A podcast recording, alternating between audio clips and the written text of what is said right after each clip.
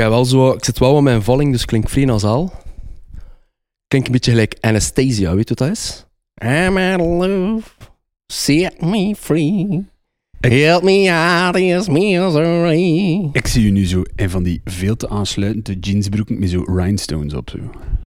Dat is voor onze privé, Nicolas. Dat is voor onze OnlyFans. Maar OnlyFans zou welkom zijn, want het is hier warm. ja. Ehm, Dus, ah. Oh, smart, smart innuendo. Nu, vandaag doen we een deel 2 podcastje over eenzaamheid.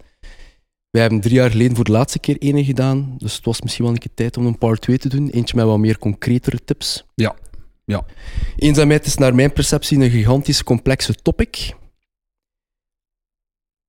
En dat is vermoedelijk ook omdat ik er best veel research over heb gedaan. Dat is voor mij persoonlijk zo'n beetje het ding rond het boek dat we hebben geschreven waar ik heel veel tijd en energie heb ingestoken. Ik heb daar heel veel over gelezen, over de neurologie van eenzaamheid, over de evolutionaire psychologie van eenzaamheid, de antropologie.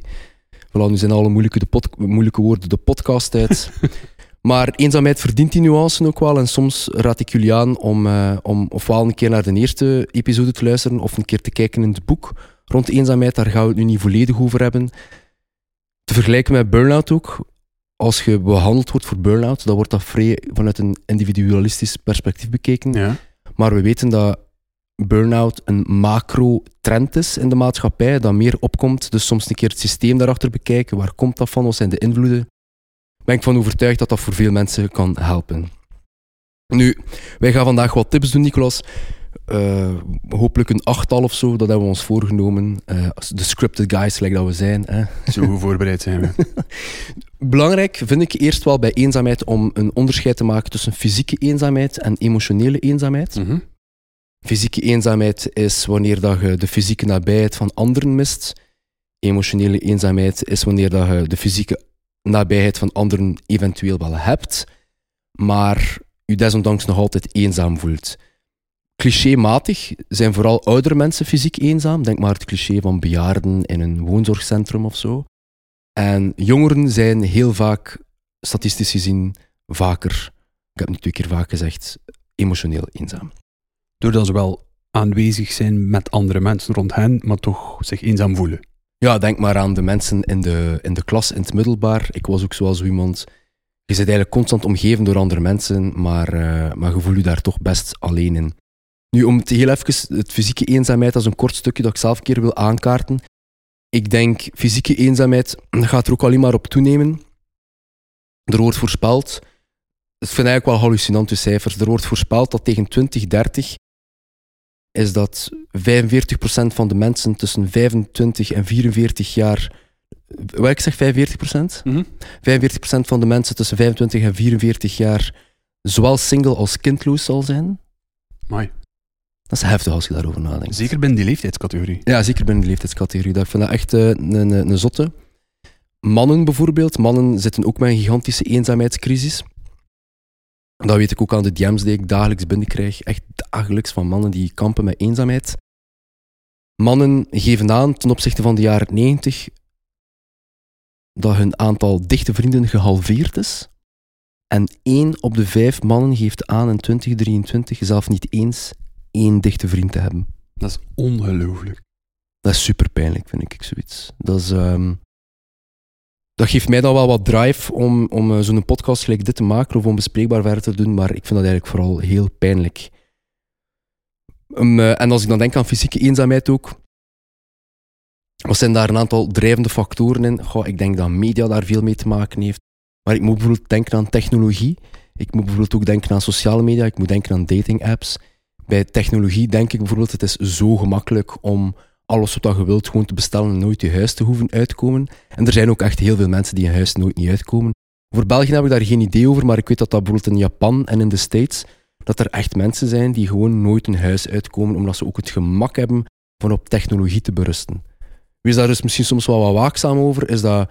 Ik ben wel zo een. Ik denk dat wij alle twee zo zijn. Heb je iets nodig, kan ik hier kopen in Gent, ik ga tot daar gaan. Ook al is dat niet vanuit een eenzaamheidsperspectief, maar toch om onder de mensen te zijn. Al is het maar om een gesprek te hebben met een kassier, hoe oppervlakkig dat ook is. Graag keer op stap te zijn. Ja, inderdaad. Het zijn allemaal kleine dingen die wel een verschil kunnen maken. Ik denk dat dating apps daar ook wel een, een grote culprit in zijn. Ik weet dat heel veel relaties gezond ontstaan zijn vanuit een Tinder of een Bumble. And I love that. Maar we kunnen er allemaal niet rondheen dat er wel een datingkloof ook een beetje aan het ontstaan is tussen... dat hoeft zelfs niet eens tussen man en vrouw te zijn, maar gewoon in het algemeen. Denk maar aan het cliché van mannen die letterlijk alles swipen, omdat vrouwen kieskeuriger zijn. Mm. Denk maar aan vrouwen die dan het gevoel hebben van, ja, maar ja, ben ik nu met een man aan het spreken die mij gekozen heeft voor mij of gewoon alles geswiped heeft. Dus het is een beetje aan beide kanten van het verhaal. Denk ik dat dat wel wat pijn kan doen. Zo dating apps, technologie. Dat is al direct een beetje een leap dat ik, dat, ik, eh, dat ik doe. Maar ik wil toch maar een keer kijken naar hoe komen we toch dat we in onze maatschappij fysiek eenzamer aan het worden zijn. En wat kunnen we daaraan doen? Dus ik, eh, ik zou het niet gemakkelijk vinden om nu in mijn early twenties te zijn of gewoon terug single te zijn en terug een partner te moeten gaan zoeken. Ik ben ook heel blij dat ik een partner heb, maar eh, ik weet dat dat voor veel mensen echt wel wat zoeken is of zo. En zeker als je niet altijd even sociaal vaardig bent of zo. Maar en zeker als, als het niet alleen het, het zoeken naar een partner is, maar als ik hoor dat er mannen zijn die niet één vriend hebben, Dat is Eh, pijnlijk, ja. ga maar een keer op zoek naar een vriend, als je echt een vriend wilt. ja. Ik zou zelfs niet weten hoe dat er moet aan beginnen op een bepaalde manier. Omdat ik dat zo vanzelfsprekend vind, doordat ik zo'n sterke vriendschap heb met u en, en nog een handjevol mensen binnen mijn inner circle die echt sterke vriendschappen zijn. Ik sta daar misschien niet genoeg bij stil, dat er echt mensen zijn die die luxe niet hebben. En het is wel mooi om er een keer bij stil te staan, is dat de vriendschap die wij hebben, dat die, die is niet toevallig ontstaan. Of ja, het hangt er vanaf dat het bekijkt, maar die is ontstaan omdat wij eh, eigenlijk elkaar hebben leren kennen. En ehm, vriendschappen ontstaan niet uit een vacuüm. Dus ehm, uit je kot komen om toch een keer een hobby te doen of zo, iets nieuws te leren kennen, toch naar de supermarkt te gaan, fysiek. Kijk, ik, heb, ik zat vorige week in Spanje en ik heb daar iemand fysiek leren kennen waarvan ik denk dat ik echt een vriendschap mee kan opbouwen. Gewoon omdat wij een beetje op de bots eh, aan een bar zijn, aan, aan, aan, de praat geraakt. En ehm, dat hij er mij ook mee confronteren van, het is zo dat die vriendschappen ontstaan. Dat kan ook in een online community zijn. Ik, ik zit ook in online communities waar ik on- online vrienden heb, maar dat is toch nog anders. Probeer er toch wel waakzaam rond te zijn, rond het fysiek eenzame. Get out there, doe er iets mee. Probeer de tegentrend te zijn. Ik moet zelf even denken aan een documentaire dat ik heb gezien, is de homeschooling in Amerika bijvoorbeeld, enorm on the rise is. Dat kan positief zijn, maar ook daar, ja, waar leert je vaak je vrienden kennen in de klas? Mhm. En ehm, ah ja, dat is een inkikker voor de episode, direct alweer uitgebreid, maar bon. Maar dus zo zijn we goed van start. Zo zijn we goed van start. Ik, eh, ik heb persoonlijk ook nog een keer naar onze eerste episode opnieuw geluisterd. Eh, omdat inderdaad, ja, drie jaar geleden hebben we daar een eerste over gedaan. En eenzaamheid is nog altijd even aanwezig. Nog altijd even aanwezig in de DM's die we krijgen. Nog altijd aanwezig in de talks die we soms mogen gaan doen. Wordt eenzaamheid nog heel veel aangekaart als topic. Dus dat blijft ook leven. Ehm, en de eeuwige optimist in mij natuurlijk was aan het denken, laat mij een keer zoeken achter voordelen van eenzaamheid of, of dingen die we daar misschien nuttig kunnen uithalen. En een van de dingen dat ik wel geloof, waar we iets aan hebben, op een bepaalde manier in, aan eenzaamheid, is dat eenzaamheid een enorme gelijkheid heeft. En wat wil ik daarmee zeggen? Ehm, het- heeft een common ground. Dus ook iemand waar dat hij hoogstwaarschijnlijk niets mee gemeen hebt, maar echt niets, verschillende smaken in lifestyle, muziek, eh, kledij, eender wat het mag zijn, eh, zelfs leeftijdsverschillen, eh, ehm, politieke overtuigingen, eender wat het is, kan, maakt mij allemaal niet uit. Je kunt nog altijd de gemeenschappelijke factor hebben van wij voelen ons alle twee eenzaam. Ja, dat is waar. Want, lijkt dat Jeff het daar juist aankaartte, ehm, hoge cijfers van eenzaamheid in Japan en in Noord-Amerika. Mhm. Eh, dat is bijna letterlijk de andere kant van de wereld voor elkaar. Maar zij hebben wel alle twee die hoge cijfers. Mhm. Dus ook zij hebben dan weinig in gemeen met elkaar, behalve het feit dat ze alle twee hoge cijfers eenzaamheid hebben. Ja, dat is waar. Nu, waarom haal ik dat aan als misschien iets... Positief wil ik niet per se zeggen, maar iets die we kunnen gebruiken. Perspectief. Voilà, ja. Je mocht daar ook wel een keer bij stilstaan. Je mocht daar ook wel een keer bij stilstaan dat er iemand waar jij misschien geen verbinding mee zou kunnen hebben, wel ook deelt eenzaam te zijn. En dan vraag ik mij af, waarom gebruiken we dat soms niet in ons voordeel? Ik bedoel, eh, Als in, als wij merken aan iemand anders dat hij ook eenzaam is, doordat we zelf eenzaam zijn. Er zijn momenten dat ik e- ook eenzaam ben geweest en dat ik wel herkenbare gedragingen of, of ja, ergens ook zo'n beetje het gevoel kreeg dat er iemand eenzaam was. Ja, ja. Dan denk ik van, er kan daar ook een keer op aangesproken worden, right? Maar ik, ik denk dat dat... Ik snap wat je wilt zeggen, maar ik denk dat de barrière die daartussen zit voor veel mensen, ik denk dat dat enorm veel schaamte met zich teweeg brengt. Ik denk, of ik denk toch dat de basis om dat niet te doen, dat dat schaamte is. Het feit dat het dan ook niet weet, hè, dat is typisch aan taboe. Ehm, je weet het niet, is, er is een bepaalde barrière. Terwijl dat eigenlijk op zich niet nodig is, die schaamte om eenzaamheid te voelen, omdat eenzaamheid... Dat is wat ik in mijn research heb gelezen, is dat als je denkt aan... ehm, dat staat ook in ons boek over Robin Dunbar, die ideale leefgroep. Hè, dus, dus als je kijkt, evolutionair gezien, is dat er 148 mensen waren die ideale leefgroep in ehm, ehm, historische tijden, hè, 30.000 jaar geleden. tribe, zo. Ja, de hè? tribe, ja, de tribe, om het zo te zeggen. Mensen werken met elkaar, er was een leider, de hunter-gatherer, het hele principe daarvan.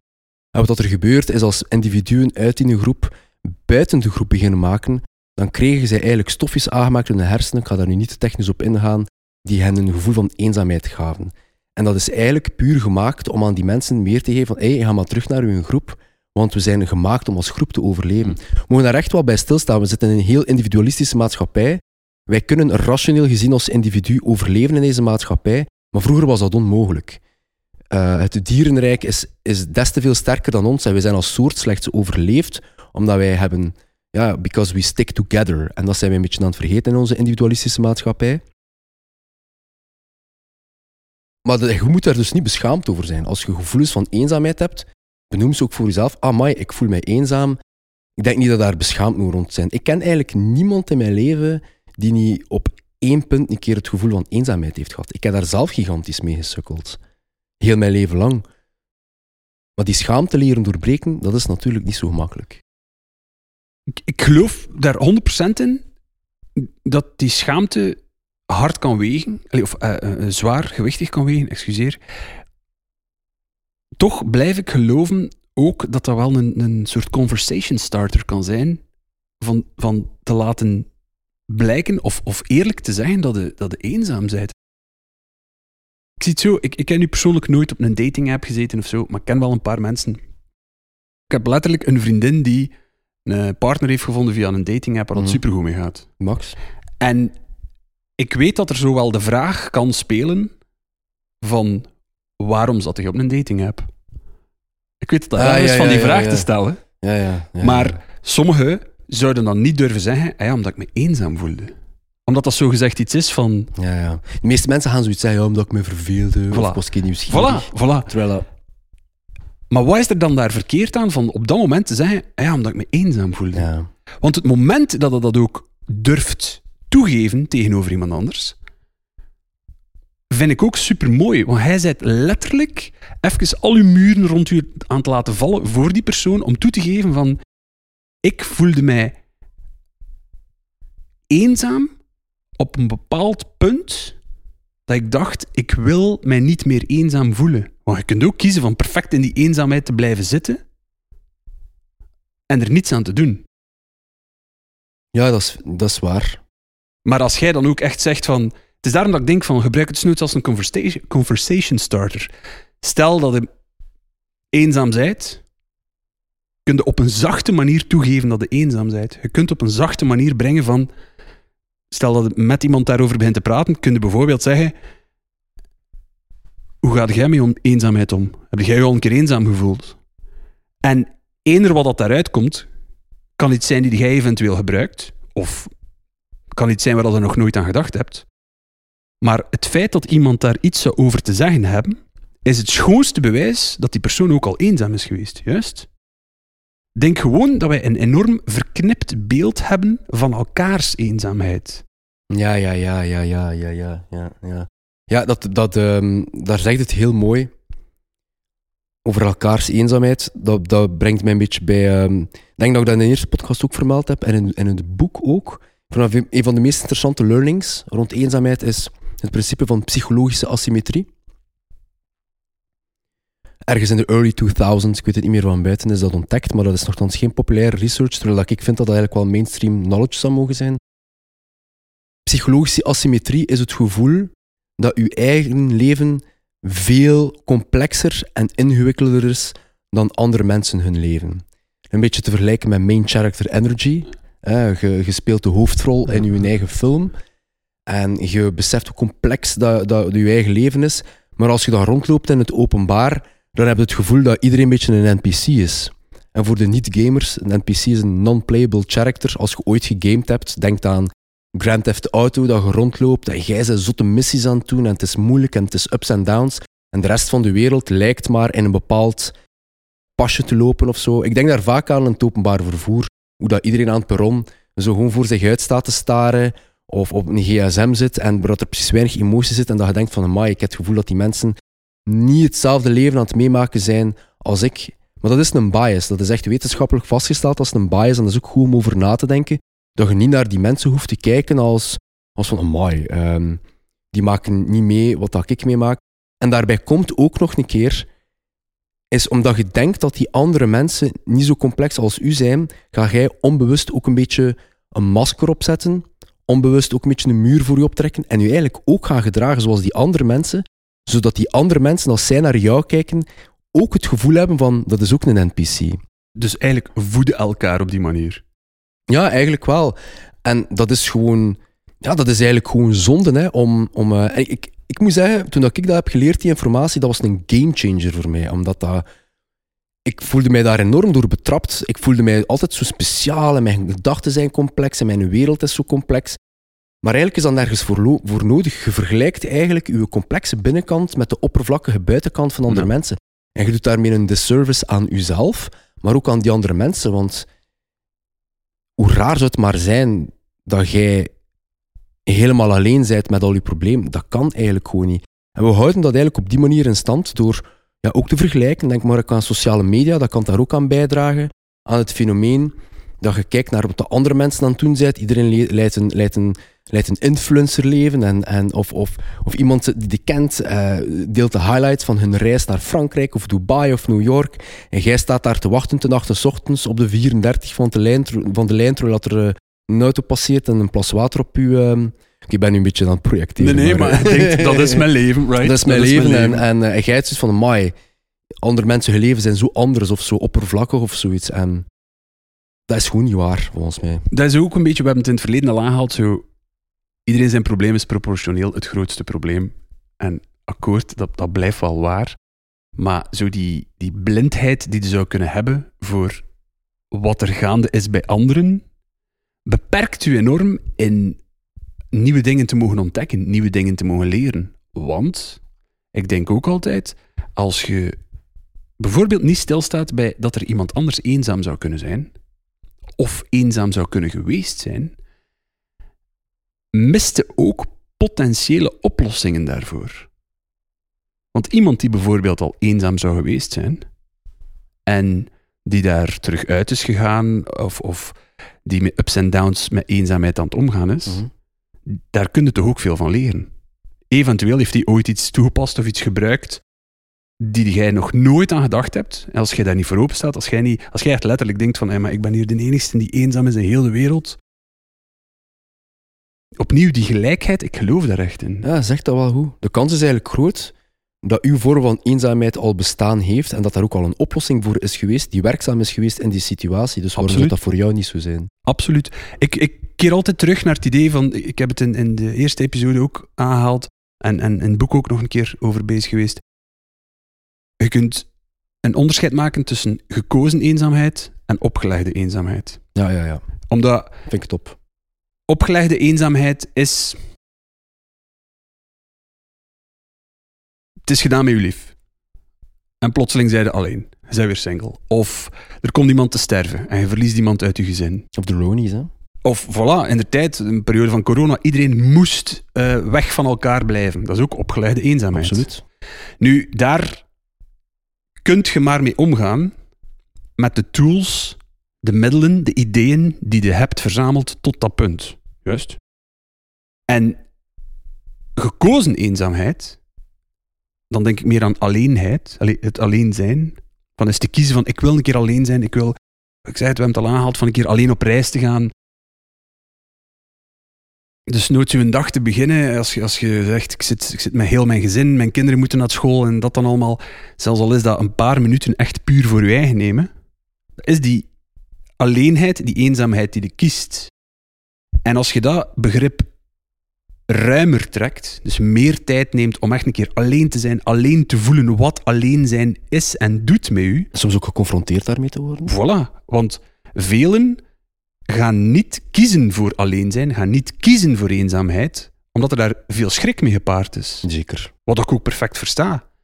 Maar ik kan alleen maar voor mijn eigen spreken dat de keren dat ik gekozen heb van echt alleen te zijn, soms lange periodes alleen te zijn, dat heeft echt vruchten geworpen. Mhm.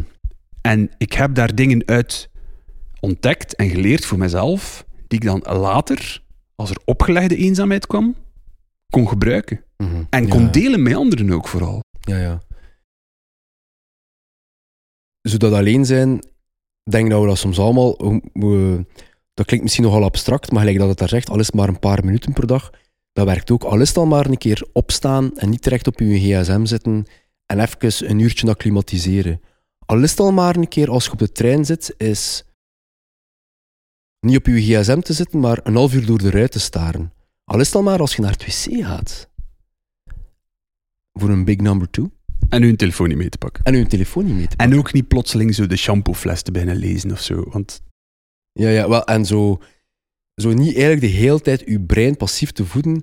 En veel mensen komen er vaak op uit, want ik heb daar al veel over gesproken met mensen, dat ze dan zeggen van, ja, maar ik begin mij dan op een bepaald moment vrij ongemakkelijk te voelen. En ik zeg, maar dat is het dan misschien wel net. Is zo de ongemak dat je dan voelt van, wat is er hier gaande? Probeer daar een keer naar te graven. Jij en ik, elk in ons eigen recht, we gaan al een keer een reisje alleen doen. Ik heb een keer een stevige roadtrip gedaan naar de States, toen ik ook nog ja, vrij jong was, is misschien veel gezegd, maar toch wel een stevige reis met veel verantwoordelijkheid te doen. En ik kan u zeggen, als je zo jetlagged de wereld aan het rondreizen bent, op je alleen en kijken naar je vluchten, de eerste weken dat ik helemaal alleen was, ik ga daar niet over liegen, dat voelde mij, of zeker de eerste week, dat voelde zeer onaangenaam, omdat ik geconfronteerd was met het is me, myself en I die hier op reis zijn. En ehm, dat kon soms enorm knagen of zo. Dat kon soms enorm veel pijn doen. En ehm, wat ik heb geleerd, is, eh, is in zo'n situaties meer mijn eigen beste maat te worden.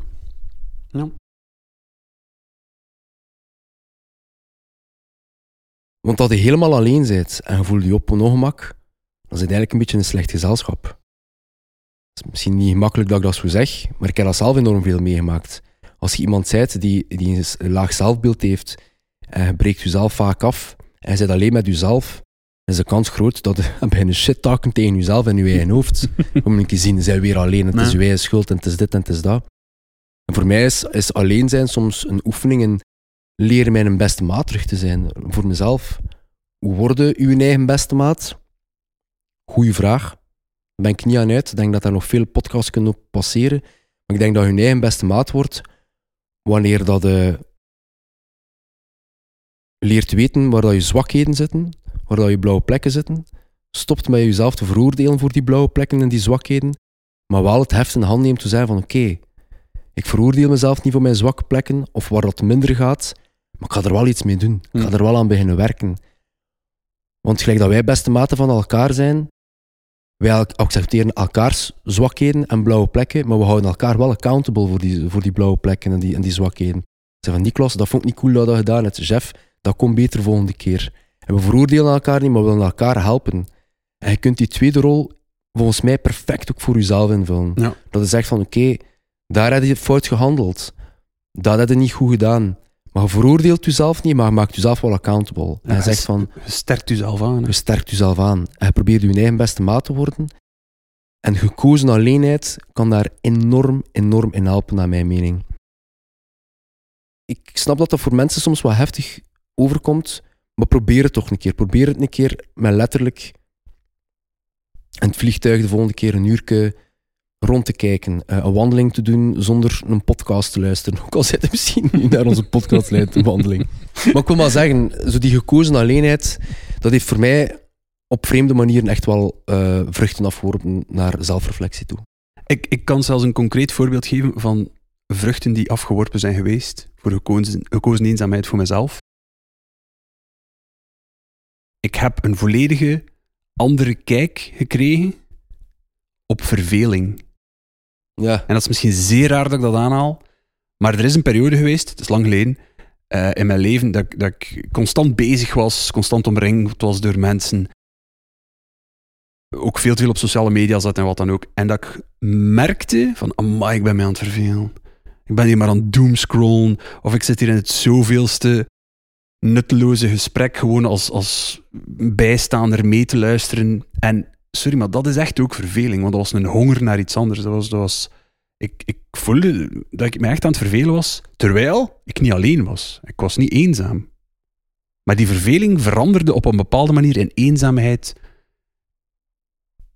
tegenover de momenten dat ik gekozen, eenzaamheid, alleenheid, echt tot mij liet komen en echt voelde van oké, nu ben ik volledig alleen, niet afgeleid door mijn telefoon, niet afgeleid door ah, ik ga nog iemand sturen of ik ga nog naar iemand gaan. Nee, even helemaal alleen, helemaal ik.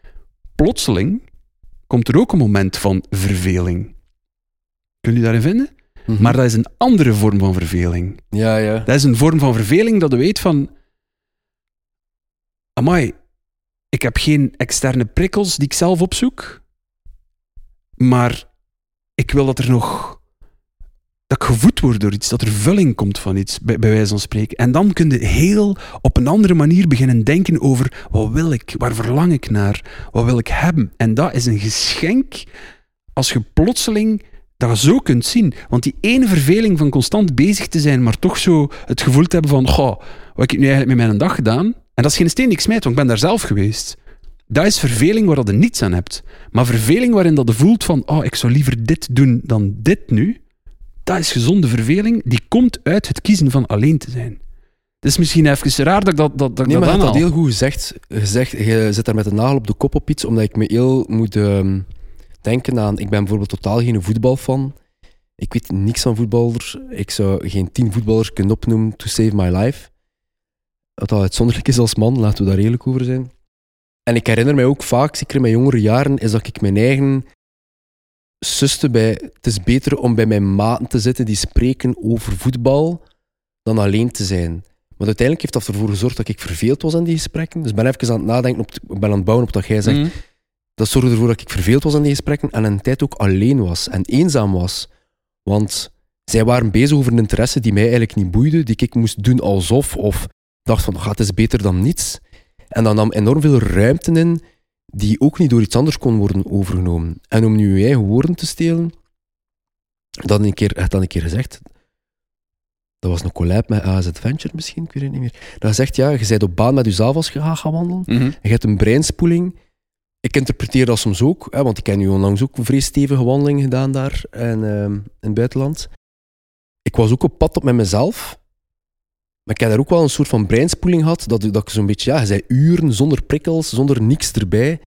En opeens voel je je verveeld, maar dat is in plaats van ruimte die je verkeerd invult, is dat eigenlijk ruimte die vrijkomt, waarbij dat je afvraagt van, amai, wat zou ik hiermee kunnen doen? Exact, dat is exact wat ik bedoel. Dan mij. Zot, hè? Zo pijs dat we dat nog gedaan hebben. een, een, een, heel belangrijk ehm, aspect aan eenzaamheid vind ik ook, en dat wil ik Thomas nog een keer meegeven, is, ik geloof, ik denk dat we ons daar al twee wel wat kunnen vinden, um, is dat eenzaamheid meestal een gevolg is van een gemis. Want hoewel eenzaamheid zeer ruim is, hetgeen die gemist waardoor je eenzaam wordt, kan door heel veel verschillende dingen ingevuld worden. Want kijk, de laatste keer dat ik in mijn leven me echt eenzaam heb gevoeld,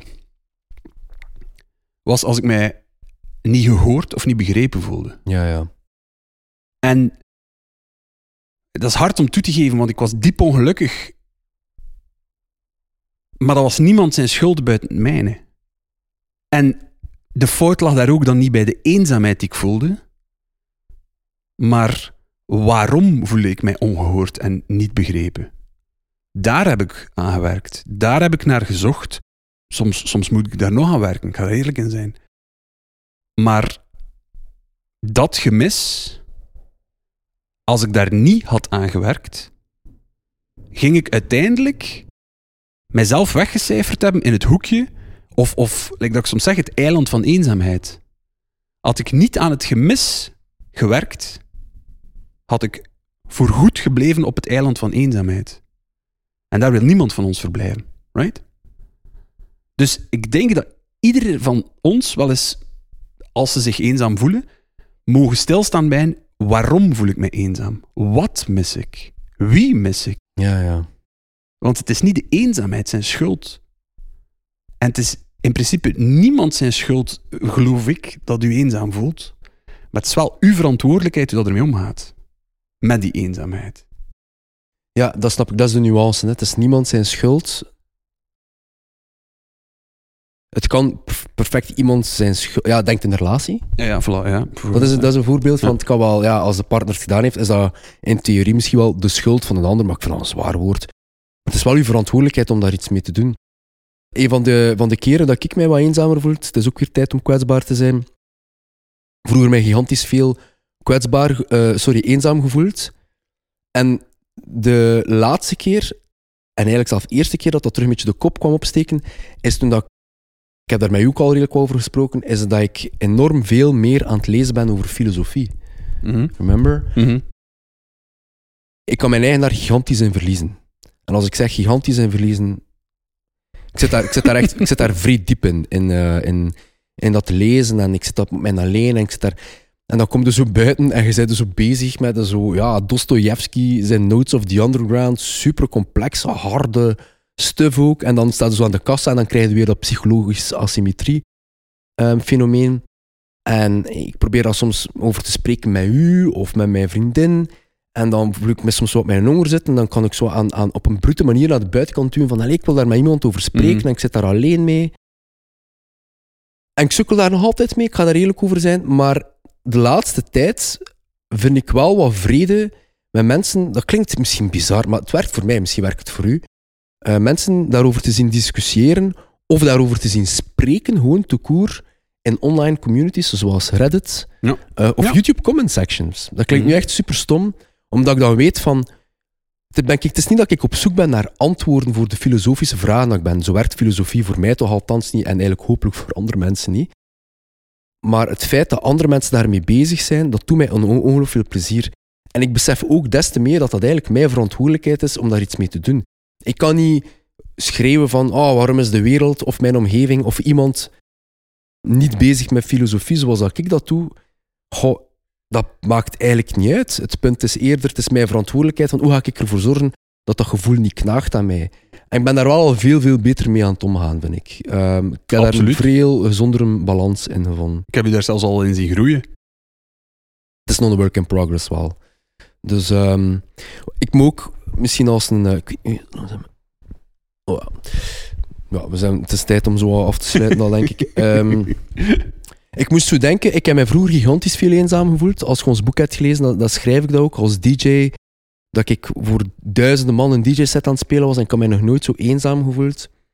Ik heb daar dan ook een kantelpunt te leren kennen. Nu voel ik heel weinig nog eenzaamheid en ik probeer eigenlijk na te denken, hoe komt dat nu toch?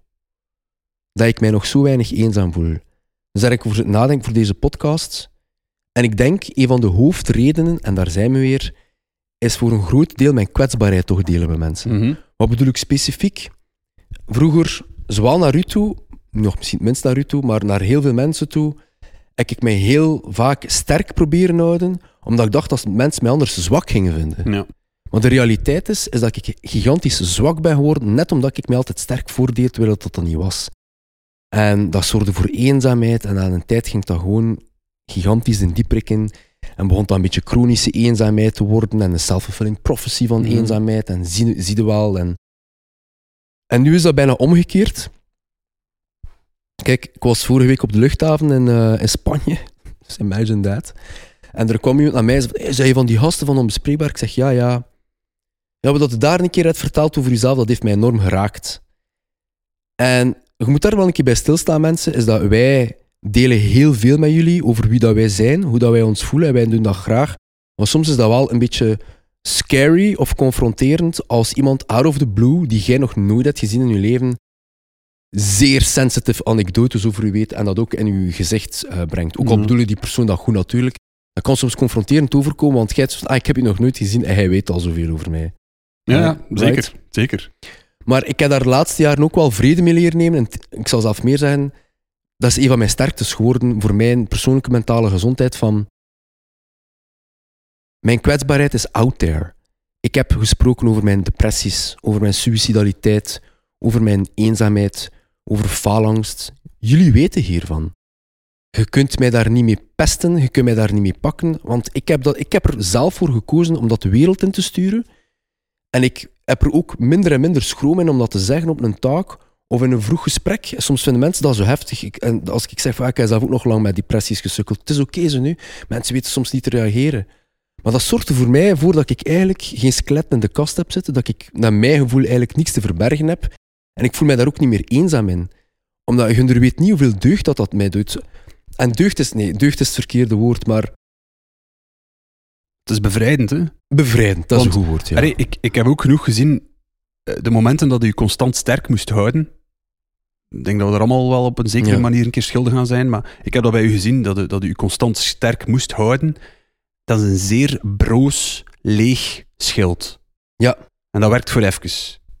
Maar als dat broos, leeg schild breekt, door die schijn van constant sterk te zijn, nee. Daar, daar zegt het, dat schild, denk maar eh, nachtleven gerelateerd of gewoon werk gerelateerd. Het cliché, als mensen mij nu vragen van hoe is het met u? Te zijn dat dat iemand is in, in, eh, die, die, die dat echt small talk vraagt in de gym bijvoorbeeld, dan, dan reageer ik gewoon ça va. Maar vanaf het moment dat dat iemand is die ik ook maar een beetje beter ken, dan ben ik eigenlijk gewoon geneigd om te zeggen, van de week wat minder, voor die en die en die reden, maar dat hoort erbij en je weet het nu tenminste. En heel vaak weten mensen nog altijd niet op dat ze moeten reageren. Maar ik heb er wel voor gekozen om dat te zeggen. Terwijl dat als ik het niet had gekozen om dat te zeggen, als ik dat voor mijn eigen had gekozen, eh, sorry, eh, het is een beetje de warmte die speelt. Als ik voor mijn eigen had gekozen om dat voor mezelf te bewaren, dat voedt die eenzaamheid weer. En ik kan soms echt heel gemakkelijk tegen mensen zeggen van ik voel mij slecht omdat ik slecht geslapen heb, omdat ik slecht gegeten heb, omdat ik nu een beetje op mijn verkoudheid zit, omdat ik eh financiële moeilijke maand heb gehad, want die zijn er ook nog altijd. Eh, me- meer wel dan niet zelf, voor ons alle twee. Allee, sorry dat ik het zo zeg, maar het is zo. Ja, nee. Ik verwacht daar niet altijd een oplossing op. Soms is het leuk om compassie te krijgen, maar mij doet dat deugd. Mijn kwetsbaarheid is out there en ik voel me daar niet meer eenzaam door. Zijn er mensen die met mijn kop lachen omdat, omdat ze mij een softcore eh, loser vinden? En ik hoor dat soms in de wandelgangen van sociale media of in het echt. Mensen zeggen dat, sure. Maar het is mij nog altijd veel meer waard om voor mijn eigen waarheid te staan, zowel in het negatieve als in het positieve, en iedereen mag het weten, dan dingen voor mijn eigen te houden die als een traaggift mij van binnen aan het opfretten zijn. En denk daar voor jezelf ook een keer over na, lieve mensen. Zit er, zit er iets in u dat jij echt wilt delen met mensen? Misschien kunnen we dat wel doen, want kwetsbaarheid verbindt, vergeet dat niet. Hè? Ook, al, ook, al is het niet altijd reciprocated. Bij- En zeker als je hoopt op die verbinding, moet je echt ook alle kaarten op tafel kunnen leggen. Want als het... ik kunt niet verwachten dat een ander... Ah, maar voilà. Ja. Dat is ook weer een gelijkheid die daar moet in zijn. Plus, jij moogt niet met, met bepaalde verzinsels of, of illusies proberen verbinding ontwikkelen met iemand. Want eens dan zij eh, de skeletten uit je kast halen en zien van ja, maar dat was toch niet zo of dat is hier zo, ja, dan zijn je ook die verbinding kwijt. Hè? En dat is nog veel erger. Het is nog veel erger van de verbinding die je denkt te hebben te verliezen, dan de verbinding nooit te vinden. Hè? 100%. Het is zonde hoe dat ik recent, hmm, dat is misschien te persoonlijk voor die persoon, ik ga het nog vager houden dan, recent heb gezien iemand aan het daten was en zei van, ik ben al gekwetst geweest in de vorige relatie, wat dat perfect kan. I've been there, Niklas been there. En dan zei van, ik ga wachten tot de andere persoon kwetsbaar is, voordat ik kwetsbaar ben, want ik wil niet opnieuw terug gekwetst worden. Ik begrijp dat mensen. En ik zei tegen die persoon, let daarmee op, want daar kan iets raar uitkomen. Een paar weken later, wat is er gebeurd? Ja, die persoon heeft mij laten staan omdat hij het gevoel heeft dat ik niet mijn ware aard laat zien. Ja. Ik wil dan niet zeggen, hij is schuld, ik bult. Maar denk daar toch een keer bij na. Is dat, dus ik snap het, dat het moeilijk is om terug kwetsbaar te zijn wanneer je hart is gebroken, wanneer dat je ego is gebroken, wanneer je ziel gebroken is. Maar laat het toch zover niet komen dat je nooit meer iemand kunt vertrouwen en dat je liever in je eenzaamheid wegkwijnt dan het risico te pakken ooit terug graag te zien en graag gezien te worden. Want dat is een recept om echt nooit gelukkig te worden. En ehm, daar sta ik niet voor als mens. Voor mij persoonlijk. Dat zou ook een gigantisch verlies zijn die u zelf al oplegt door zo te handelen. Ik, eh, ik wil misschien, om zo wat af te sluiten, ook nog een beetje een, een, ja, een tip, eigenlijk echt wel een tip meegeven, dat je op zich ook naar eenzaamheid preventief te werk kunt gaan. Om het te voorkomen van te veel angst van die eenzaamheid tot u te laten komen. Concreetste voorbeeld dat ik daarmee kan geven is als je een goed moment hebt met iemand en je weet van, ja maar hierachter gaan we elk onze weg of, of we zien elkaar even niet, mogen je dat moment niet laten verzuren door de angst die je hebt voor de eenzaamheid die daarop volgt. Ik vind dat een superbelangrijke. Stel dat je nog een keer met een maat of met je lief eh, iets gaat gaan eten, eh, voordat je weet van ja, maar we gaan elkaar een week niet zien, want we hebben te druk dat etentje is nog altijd fantastisch. Hm. Dat moment samen is nog altijd super te genieten. Wees niet, wees niet triest omdat je elkaar een week niet gaat zien. Wees gelukkig dat je daar in dat moment van en voor elkaar bent. Dat moment mag niet wegsmelten voor die angst van die eenzaamheid die er toch gaat komen. Er gaat toch even die eenzaamheid zijn, right? Stel je voor dat jij de superkracht hebt om met een magische geest en en een, lamp de persoon die jij het liefst terug wilt zien uit de doden terug kunt halen voor een dag. Zou je dan het maximaal uit die een dag halen? Of zou je dan die heel die dag mottig lopen dat maar een dag lang is? Exact dat. Exact dat. Wij gaan moeten afronden, want wij, eh, wij moeten eigenlijk eh, vertrekken naar Limburg voor een taak. We gaan een keer naar de andere kant van de wereld. inderdaad, inderdaad. Dus super merci om tot hier te checken. En tot de volgende keer.